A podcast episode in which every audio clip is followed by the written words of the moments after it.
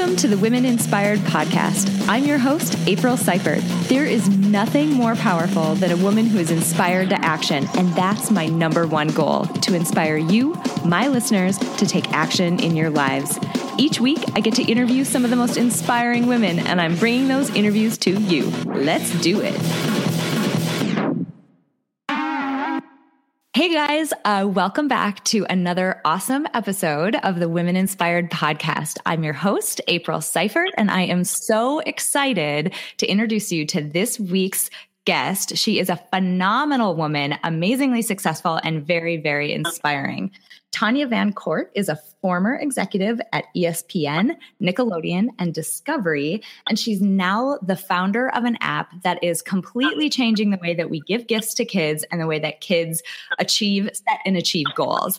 So I'm really excited for everybody to meet Tanya Van Court. Welcome. Thank you so much. I'm excited to be here, April. Oh, this is so exciting. Uh, so, I first met you or first heard about you through uh, the Mentee podcast. So, I have to give them a little bit of a shout out because it was wonderful to meet you sort of virtually through there and then get connected to you and have you have you come on our show. Thank you. I love the Mentee podcast. That was so much fun, and I'm excited to know today will be fun too. Awesome. So, by way of just getting to know one another, um, tell us a little bit about yourself, a little bit of background, and how you got where you are. Okay, perfect. So I was um, born the youngest of six kids. Uh, and yeah, wait, it, it, it, that's, I'm just getting started, April. I'm just getting started. um, so born the youngest of six kids in Oakland, California. My mom and, and dad were both elementary school teachers and in East Oakland. And um, my mother passed away when I was six years old of a brain aneurysm. And so wow. it was very, very sudden death, and she was young. She was in her mid 40s. Um, and she and my father were divorced. And so that meant that she was a, a single mom um, of six kids and a mom who obviously left behind six kids when she passed away. And so my aunt, my mother's sister, took all of us so she only had one child at the time, and she went from having one to seven. Um, wow. And she was in her mid 30s at the time.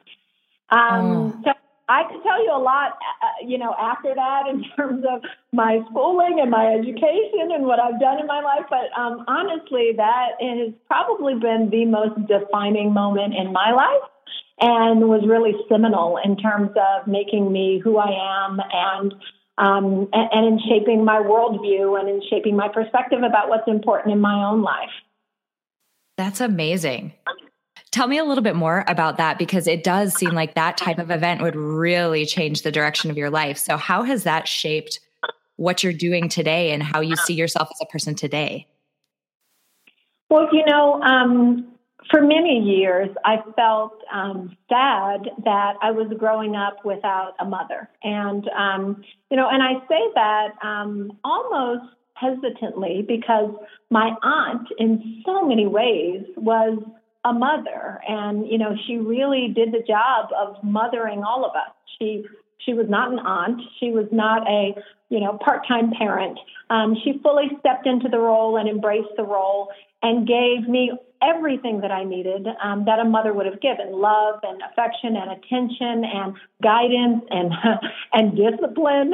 Um, she gave all of those things. So in many ways, I had a mother. Um, but you know, when you when you lose your your natural mother, um, there is a, a huge gaping hole in your heart. Um, so for many years, I felt very sad to, to have lost my mother and to not have her presence. What I felt after that, though, as I started to get older, um, was almost the opposite, April. I felt like for many people, you know, when they were in high school and they wanted to, you know, do something that was that their mother would not have approved of, they could just sneak away or go to one of their friends' houses or, you know, stay late after school and hide out somewhere and do whatever it is that their mother would not have approved of. I felt like my mother was always there. I wow. felt like my mother was always watching. And so every decision I made, I really felt was influenced by her and like felt like she was shaping my life from afar because I wanted to make decisions that would make her proud. I wanted to make decisions that would affirm myself as the child of Norma Marie. Um, I wanted to, you know, be a person that that I could be proud of, but but certainly more importantly that she could be proud of. So I think that's how it really changed the trajectory of my life. Um, you know, every decision that I made was based on um, making a, a, woman proud who was an extraordinary woman. And so, you know, it was like a, a little angel on my shoulder for me. That's incredible. And you oh gosh, you're totally right. You when you feel like your your parent is watching over you and they they're everywhere, you really can't get away with much at that no. point. No, oh my gosh. well, and it's so funny because even now, right? Like I am the, the woman who, you know, in my mid 40s, I don't drink. I've never smoked. People say, why is that? But to your point, April, if I never felt like I could have gotten away with it, I just don't think I ever picked up the habit. You're like, I'm busted from the start. exactly. That's right. well, and you mentioned, so you mentioned all of these, you know, decisions and wanting to make your mom proud. You have had an amazing career I mean, an incredible career. Can you tell us a little bit about that? Thank you. Well, you know, I um so I guess it started. I, I went to Stanford. I got two degrees in industrial engineering, um, but I got these two degrees in industrial engineering, not quite knowing what industrial engineers did. Um, it was all very theoretical for me. It was wow, it's like a technical business degree. That's cool. I like that.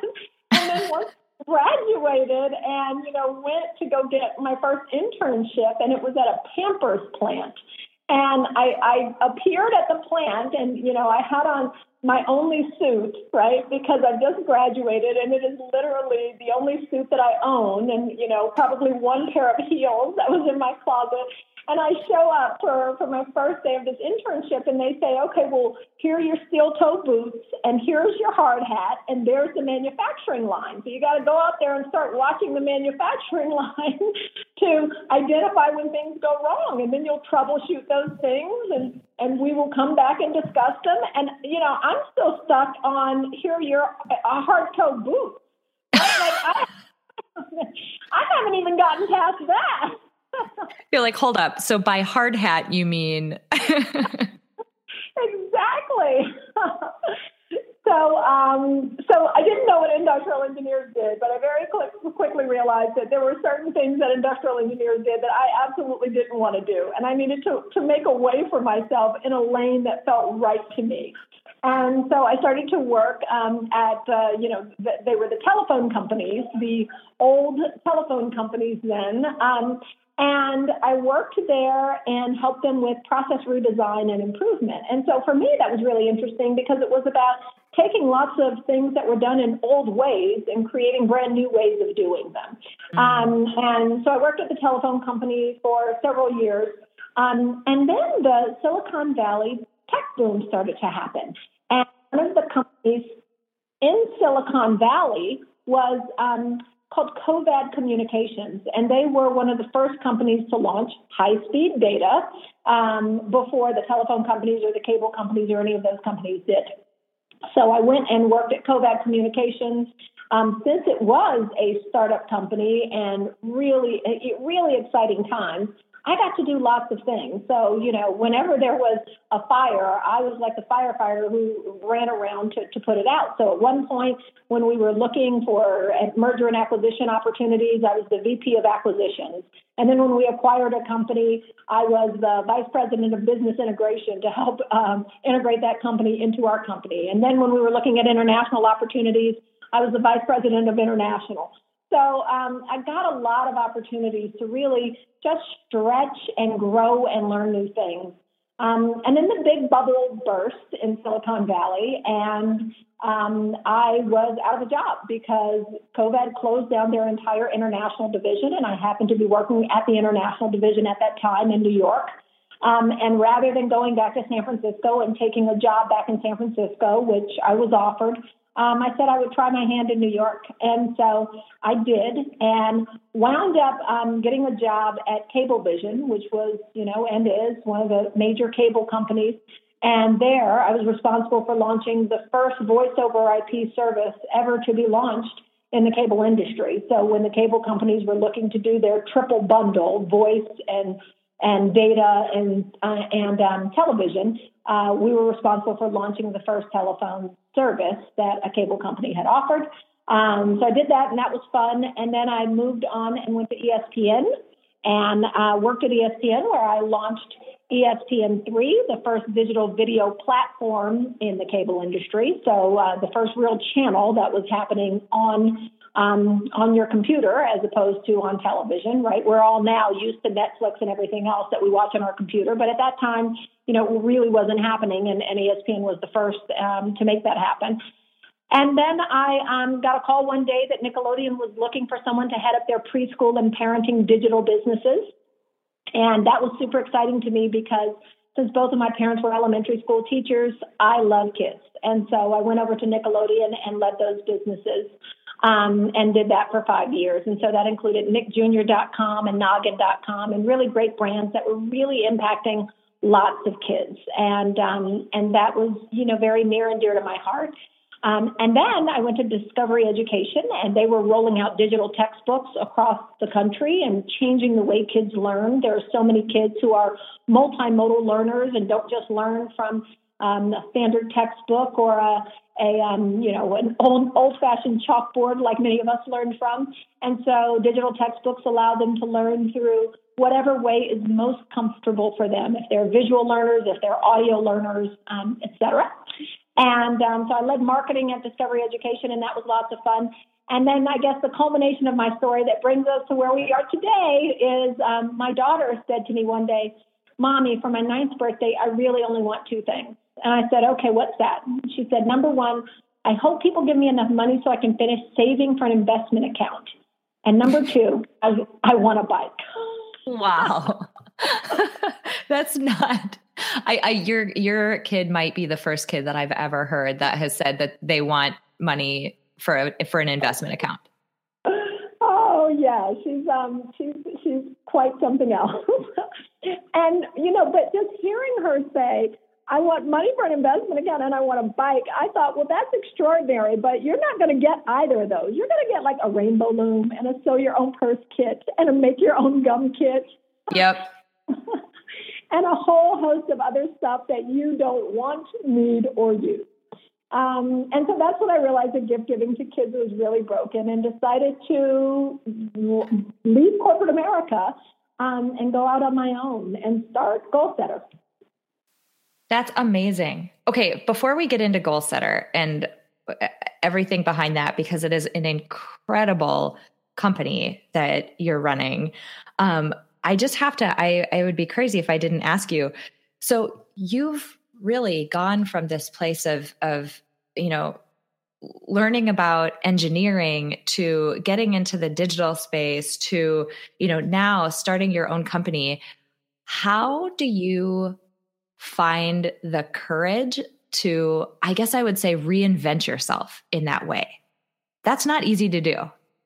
You know, I, uh, I might rephrase that question, April. I might ask, how do you find the crazy to do that, Tanya? I don't know if courage or crazy, quite frankly. Um, well, you know, I honestly tell young women who I mentor, speaking of the Mentee podcast, I tell young younger women who I mentor that every move you make, you are only intended to get two steps closer to who you're really supposed to be. So don't feel like when you make a move, it has to be the perfect move for the next 30 years of your life. You just have to keep moving a little bit closer to things that excite you, things that you love, things that you're passionate about. And eventually, at the end of your journey, you will be, you will find yourself in the perfect place. Um, at least that's what I'm hoping because I'm still waiting for the end of my journey. But I certainly feel like I'm closer today than I was, you know, 15 years ago or 20 years ago. So for me, um, April, I guess the way that I find the courage is I don't think about any of these moves as a permanent move that defines me or defines, you know, what's going to be written on my obituary. I think of it as this is the next move. This is the next big dragon I'm going to slay.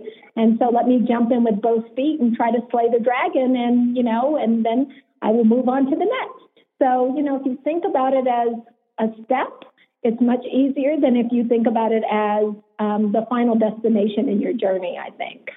Oh my gosh, I'm high fiving you through my through my microphone. That is awesome advice. And it's totally true because I think sometimes we just build things up to be so much more than they necessarily would need to be. You know, so few things are really truly permanent that, you know, you're just you're just trying something out. You're just taking another step. I love that. Absolutely.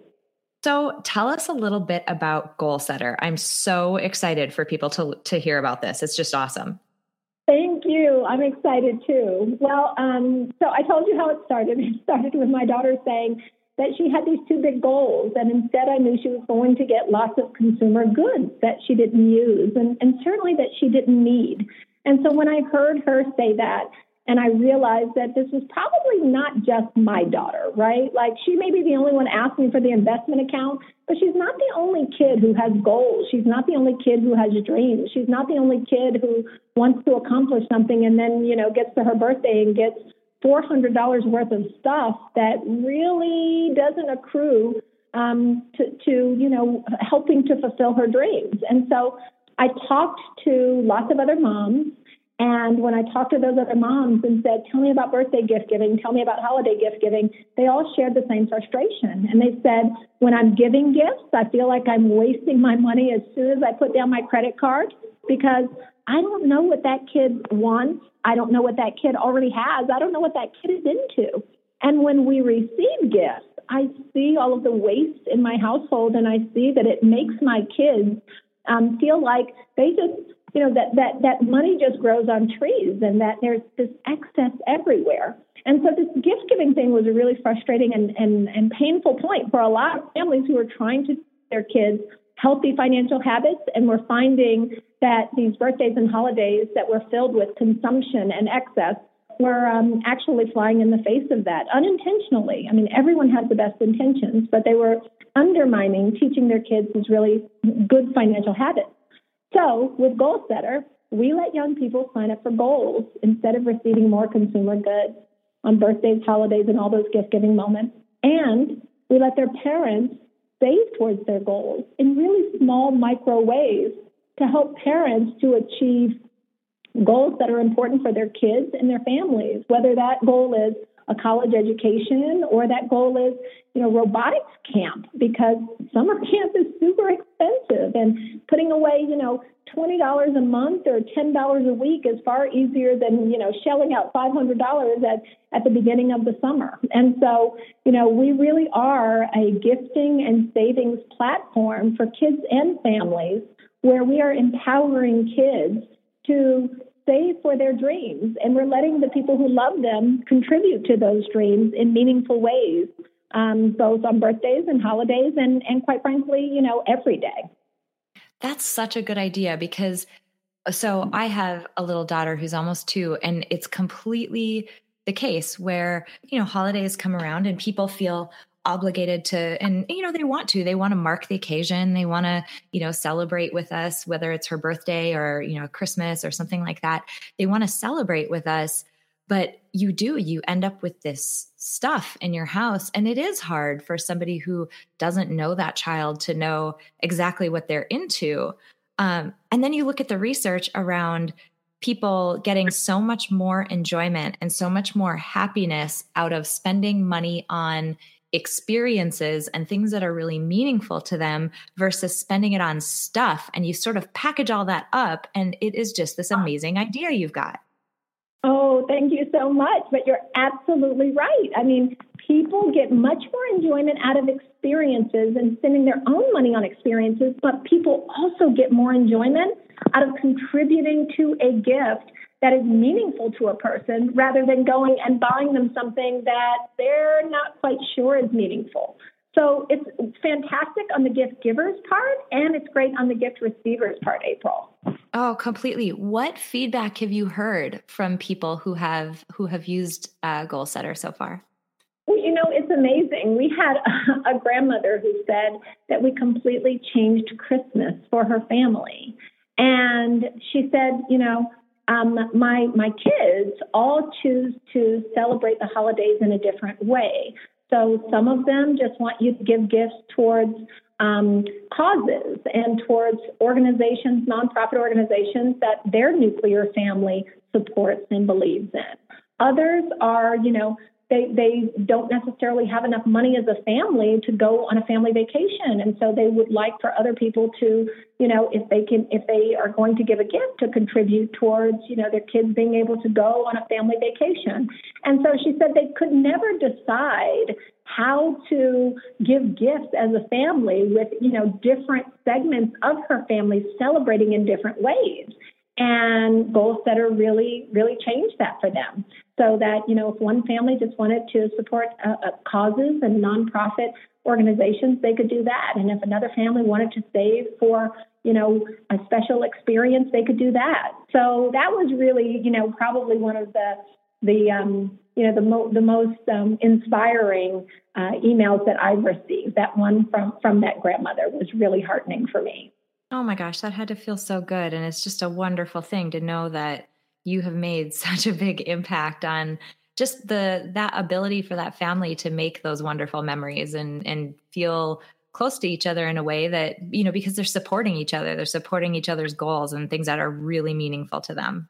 Absolutely. Absolutely.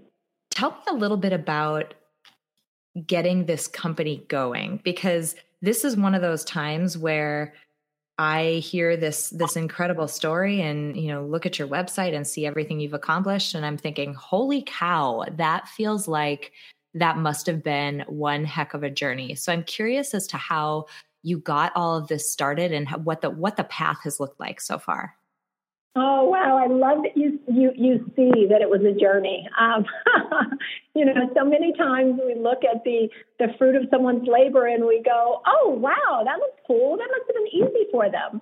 Um, and the truth is that you know none of these journeys are ever easy. None of our journeys are, and I think it's so important for all the women who are listening to your podcast to understand that even the journeys that that look like they are the simplest and easiest are fraught with so many pitfalls um, because we need to, you know, we need to have courage um, because we've seen that other people can do these things in spite of the pitfalls. So, in any event, to answer your question directly, um, when when I started this, um, I, you know, the first thing that you have to do is to go raise a quote unquote friends and family round of funding in order to you know, really bring your idea to life. You have to build things. You have to hire people. You have to, whether those people are full time people or external consultants or contractors. I mean, you know, they're take people who have skill sets beyond my skill set in order to make all of this a reality. Um, so the first thing I did was to try to go raise a friends and family round. Well, you know, that's not easy for a lot of us. Um, and, you know, my background is that I am an African American woman. If you look at the net worth of African American households in this country, um, it is, it is, you know, very markedly different than the net worth of many other households in this country. And so, you know, raising a friends and family round was not something that was going to be um, simple for me to do. Um, so I actually found myself at a uh, Stanford Black Alumni Association meeting because I went to Stanford and because I am black, so and I am an alumni. So I, so I was at the Stanford Black Alumni Association meeting, and we were having a, a, a panel about entrepreneurship. And I actually took the mic. I was the first one to the mic and said, "Hey, I am launching this company, and I am raising money. And if anyone's interested in investing, please see me after the meeting." And so I started initially talking to a lot of people there, and those were some of my first investors, um, which was phenomenal to have, you know, such amazing caliber of people um, say, wow, not only do we believe in this idea, but we believe in you, was a huge vote of confidence. Um, and then one of the second things I did was I, I had an amazing woman who's now an advisor for me. Her name is Barbara Clark, And um, I met her through just talking to lots of people in the entrepreneurial space because the second thing that you have to do is you got to learn the space you're going into and you've got to, you know, shorten your learning curve as much as possible by talking to other people who have already been there. So I talked to lots of people. I met Barbara Clark and Barbara said, Tanya, you need to apply to an organization called Pipeline Angels. Pipeline Angels is a group of women who invest in other women led companies. And so I looked up Pipeline Angels, and at this point, I happened to be six months pregnant. And I looked up Pipeline Angels, and they were having pitch events out on the West Coast that I could apply to. And so I applied, and I was accepted to pitch, but the pitch event wasn't for another month and a half, maybe. Mm. And so at seven months pregnant, I flew out to the West Coast and pitched to two, three different West Coast cities, groups of Pipeline Angels, amazing women investors. And um, each of those three cities um, invested in my business.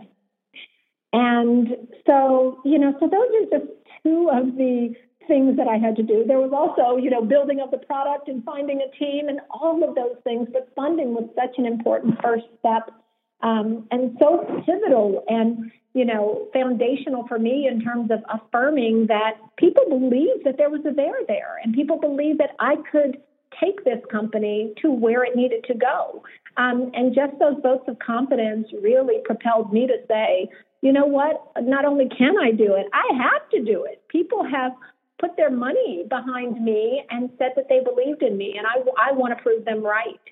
Um, so that those were big big parts of the journey, you know, pitching when you're seven and a half months pregnant and flying around the country. I mean, there's just, you know, when you are an entrepreneur, um, the first thing that you learn is that you've just got to be tenacious. There will be days when you say, oh my gosh, what have I done? Why didn't I keep sitting in one of those big executive seats? That felt a lot easier than this does.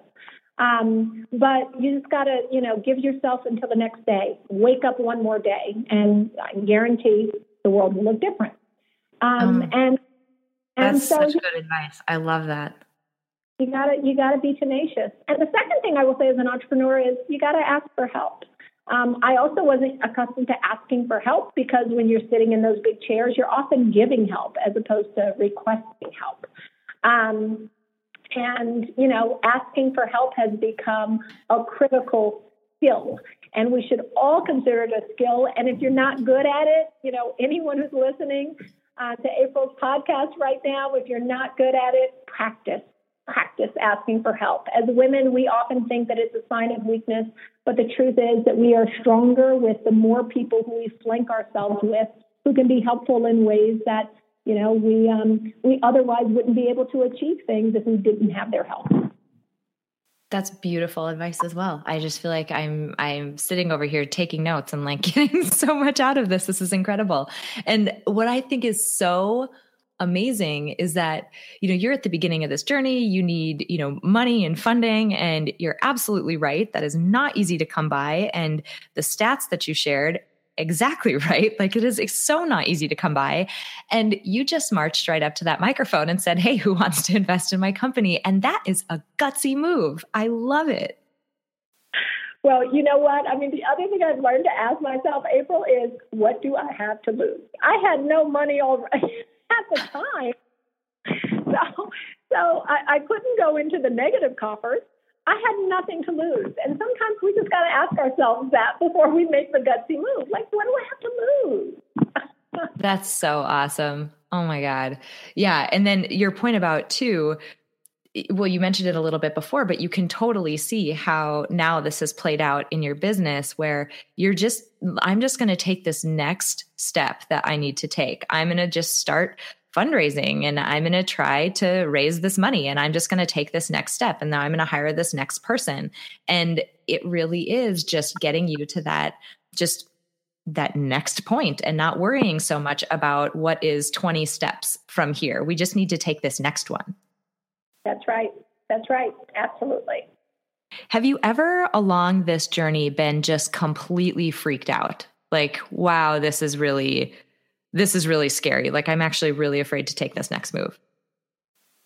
Um, absolutely, absolutely. I have been freaked out. Um, and you know, if you if you look at the rate of depression amongst entrepreneurs, I mean, it, it's significant. I mean, there are days where I have gone home and been like, "Wow, I don't think I've ever been this sad in my life." I mean, um, you know, there have been those days, but there have also been days where I've gone home and felt like, wow, I don't think I've ever been this happy in my life.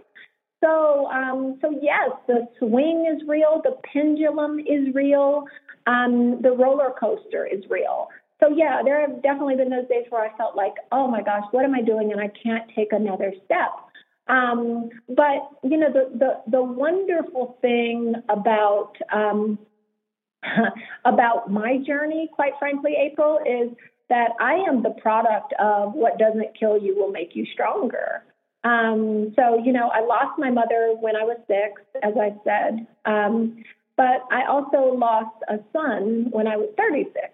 Mm-hmm. Um, and uh, my son Seneca was born, and he had um, a whole host of, of, health issues, and he passed away when he was three months old. Oh my gosh, and, I'm so sorry. Thank you. Thank you. Um, so for me, um, you know, there, I have always been a person who um, found strength in my strength.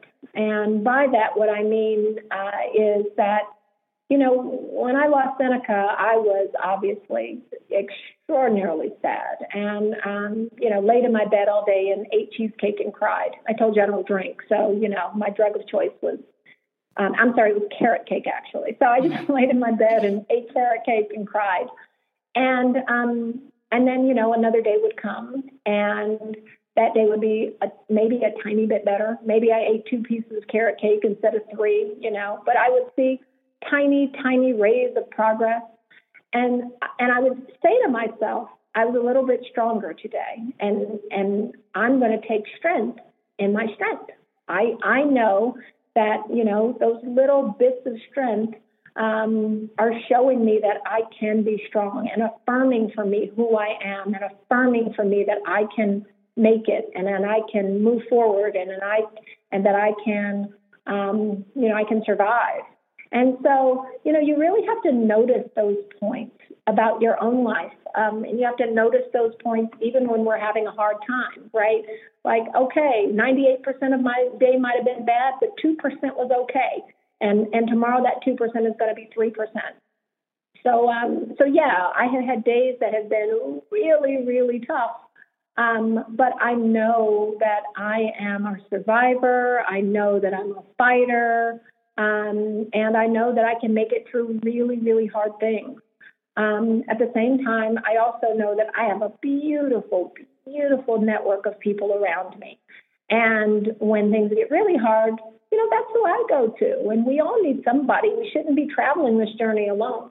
So, you know, I go to those people who help me to know that everything is okay and will be okay. It has been okay in the past and it will be okay in the future. So, you know, I turn to to those people. I think everybody who's listening to this should go get a post it note and a Sharpie marker and write, I'm a little bit stronger today on it and stick it somewhere that you're going to see every single day because that message, regardless of whether you're going through an extremely difficult time point, time in your life, or, you know, maybe you're just in a situation where you're dealing with just day to day sorts of struggles, that is an amazing mantra for all of us to remember every single day. Thank you. You know, so the the flip side of that coin is tell me what you would consider along this journey. What was your biggest victory? Like that time point where you wanted to stand on your desk and cheer? um, so, as I said, I'm an African American woman, and there are only 14 African American women in this country who have raised a million dollars or more in funding for their venture. Um, and um, now there are 15 because I am number 15. Wow. And that really makes me want to cheer. And um, and it actually, you know, didn't just make me want to cheer that day that I raised the money, it, it has made me want to cheer every day thereafter. Um, because not only do I think the Goalsetter is going to change the world for our children, I think that um, the model of Goalsetter and you know what it looks like from behind the scenes can hopefully change the world for um, the tech space you know, we are already seeing a lot of changes happen. Well, I, I can't even say changes happen. We're seeing a lot of conversation because the conversation's happening, the changes aren't happening. But we're seeing a lot of conversation about what's happening in the tech space with, you know, um, so much that is unfairly um, slanted against women, whether that's funding or whether that's the horrendous sexual harassment that women in Silicon Valley, in particular, and obviously now in Hollywood, outside of the tech space, um, have had to suffer and endure in order to, you know, just just work every day in order to see their dreams realized. I mean, there is so much that we as women have had to endure. And so, you know, part of why I'm excited about Goalsetter is because not only, as I said, are we changing the world for, for kids, but as an example, 98% of that funding that I talked to you about, that million dollars in funding, has come from women, black people, and brown people.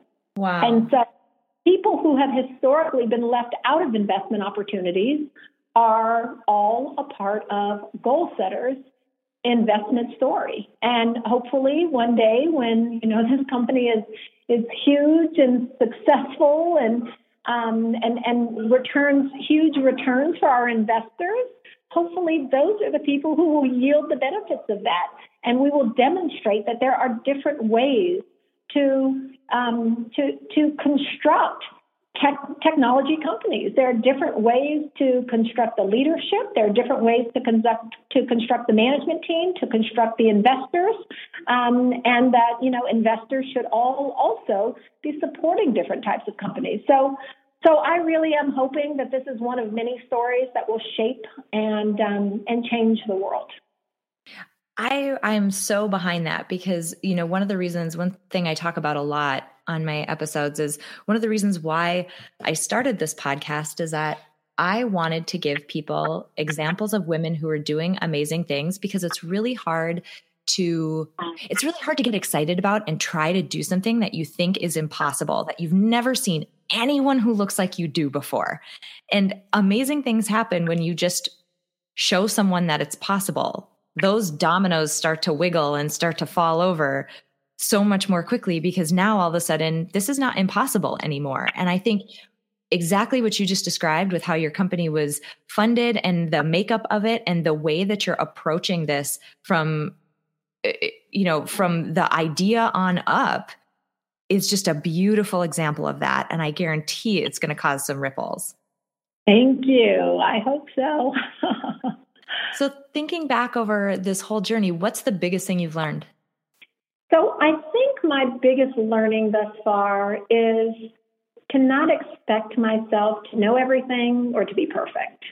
Mm. And I think as women, um, you know, we we know that we have been in environment after environment um, where we felt like we had to demonstrate every day our value, our worth, um, the fact that we belonged at the table. And so the, that, that feeling of defensiveness has always made us feel like we had to be perfect in order to show up. We had to be, be flawless in order to deserve a seat. We had to know everything, or we wouldn't open our mouths to say we knew anything. And I think what's been important for me about this journey is the recognition that there is no one out there who knows everything or who is flawless, man, woman, or otherwise. And so we can't hold ourselves to that impossible standard. Otherwise, they'll have all the fun and we will continue to be sitting in the same place where we feel like we have mastery over a tiny domain because we're afraid of going out and showing the world that there's something that we don't know. So, you know, my my um, you know, my, my best learning and my best lens and best advice is don't let other people's um, perspectives shape your confidence when it comes to going out and doing what you are meant to do.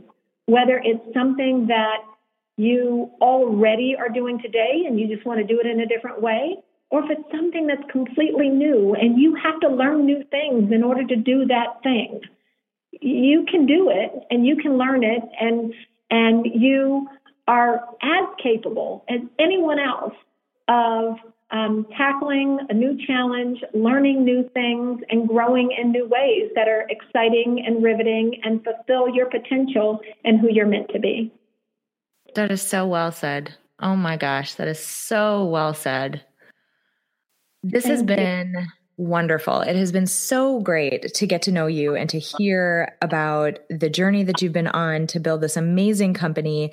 I know people are going to be really excited about it because the folks who listen to this are, you know, a lot of a lot of women who, you know, are are excited about having those that opportunity with their kids to be able to help them chase after their goals and help them, you know, have these experiences that they want to have. So, what is the best way for people to uh, find Goalsetter? Where can they find you? You can just go online, either on your phone or on your computer, and go to Goalsetter, G O A L S E T T E R dot C O. Love it. Love it. And before I let you go today, I have to ask you one last question, and it's a question that I ask everybody who's on the podcast. We have a Spotify Power playlist that is comprised of songs that are just awesome motivational songs that um, have come up on our podcast. So I have to ask you for your contribution to our playlist. I love it. Um, so my contribution is I'm Every Woman by Whitney Houston. That's so awesome. That is so awesome. Does that have personal significance or do you just love the song? I just love the song. It's just, I mean, honestly, quite frankly, though, I feel like it represents every woman I know. Every woman I know is strong and amazing and powerful and running things at home and doing amazing things in her professional life. And and I just feel like it's representative of us as women. And so I love it because it, it reminds me of the many amazing women that I know. That's such a good contribution. I love it so much. This has been wonderful. It is, like I said, so great to get to know you. So wonderful to have you on. I know my audience is going to get so much out of this interview. This is just wonderful. Thank you so much for taking the time to talk to us today. Absolutely. Thank you for having me, April. Hey guys, well, I hope you enjoyed that interview with Tanya Van Court as much as I did. And as I was reflecting on this week's interview and putting this episode together, a single question kept popping into my mind, and that is the question that I have decided to leave with you this week. The question is why not you? Why not you? You know, if you think about the experience that Tanya had, she didn't know everything that she needed to know in order to put this company together. She had to ask for help in a lot of situations. Heck, she walked up to a microphone and asked an entire room full of people for money to get her company started. And in fact, was the 15th, only 15th, that makes my blood boil, only 15th woman of color to raise more than a million dollars in funding. And at the same time, why not her? Right? She had an amazing idea. She had the drive and the passion to carry it out, and she was willing to do it one tiny step at a time. And that's literally all you can do. So, somewhere in your mind, you might have a goal, you might have something that you're trying to do, and maybe self doubt and fear of what other people might say or think is holding you back. I'll ask you that same question why not you? Why can't you do it? Commit to taking just the first few steps today. You'll be amazed at how much momentum you build up. All right, now you guys know how passionate I am about living life to the fullest and making sure that we're living intentionally. And I want to remind everybody that I have created a life blueprinting tool. This is a tool that you can go through to basically take stock of where your life is at in a bunch of different areas, gain clarity on the areas that are causing you the most friction, that are feeling the least authentic. Gain clarity on those areas and then start to figure out ways to make small changes to improve them. Now, I'm not asking you to like throw the whole trash out with this with this tool. More so, I'm asking you to make these tiny tweaks and test and see if they make improvements and do that consistently over time and see a really big change in your life. If this sounds interesting to you, head over to aprilseifert.com and subscribe. You'll get immediate access to this life blueprinting tool. And of course, as always, I'll give you access to our Spotify Power playlist, the most powerful playlist on Spotify with all the songs that have been curated by all the amazing women that I've had on the podcast so far.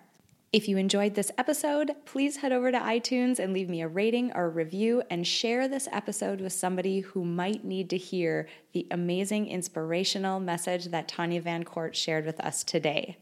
I really hope you guys got as much out of this interview as I did. And until next time, have an inspiring week.